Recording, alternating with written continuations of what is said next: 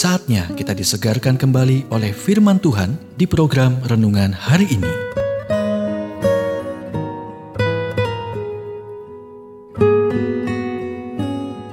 Renungan hari ini berjudul Pemikiran tentang Kepemimpinan yang Baik. Nats firman Tuhan dari 1 Korintus 14 ayat 8. Jika nafiri tidak mengeluarkan bunyi yang terang, siapakah yang menyiapkan diri untuk berperang? Sehebat apa pun visi Anda, jika Anda bukan seseorang yang mau diikuti orang, itu tidak akan pernah terwujud. Siapa Anda itu penting. Berikut adalah enam pemikiran tentang kepemimpinan yang baik. Satu, kepercayaan menghubungkan orang dengan visi seorang pemimpin. Tanpa itu, mereka akan terputus. Dengan itu, mereka akan bergabung dan membantu memajukan visi. Dua, kepemimpinan bukan hanya tentang apa yang Anda lakukan. Ini tentang menginspirasi dan mendorong orang lain. Pemimpin yang baik mengeluarkan apa yang terbaik dari orang-orang dengan membagikan yang terbaik dari diri mereka sendiri. Tiga, hanya karena Anda adalah pemimpinnya, jangan melabrak orang.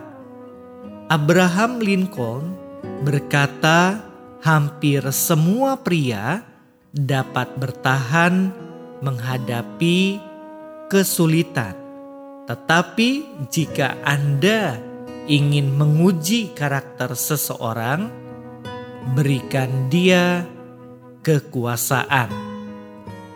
Dengan kuasa muncul sebuah tanggung jawab untuk melayani, mengembangkan, dan memberdayakan orang lain. Dengan membantu mereka bertumbuh, Anda akan bertumbuh. Empat, aturan tanpa hubungan menyebabkan perlawanan. Anda dapat memiliki semua aturan yang Anda inginkan, tetapi jika Anda tidak berinvestasi pada orang dan mengembangkan hubungan dengan mereka, mereka akan memberontak. 5. Paulus berkata, jika nafiri tidak mengeluarkan bunyi yang terang, siapakah yang menyiapkan diri untuk berperang?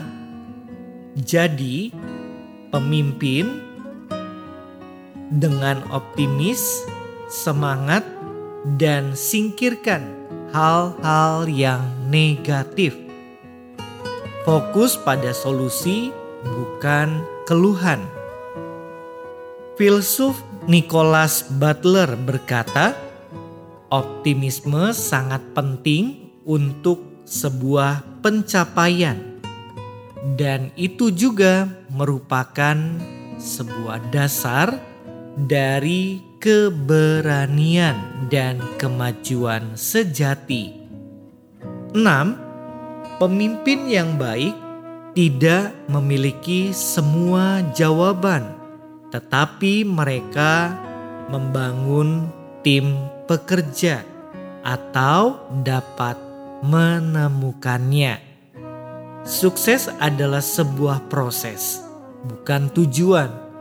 Kemenangan adalah produk sampingan dari tim pekerja, fokus, dan sebuah komitmen. Untuk berhasil, fokuslah pada pekerja dan proses, bukan pada produksi.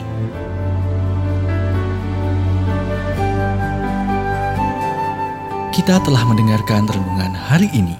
Kiranya renungan hari ini terus mengarahkan kita mendekat kepada Sang Juru Selamat, serta menjadikan kita bertumbuh dan berakar di dalam Kristus. Renungan hari ini tersedia dalam bentuk buku maupun digital dan bisa Anda miliki dengan menghubungi Japri di WhatsApp 0812 8784 7210 atau email ke infoapripusat@gmail.com. Tuhan memberkati.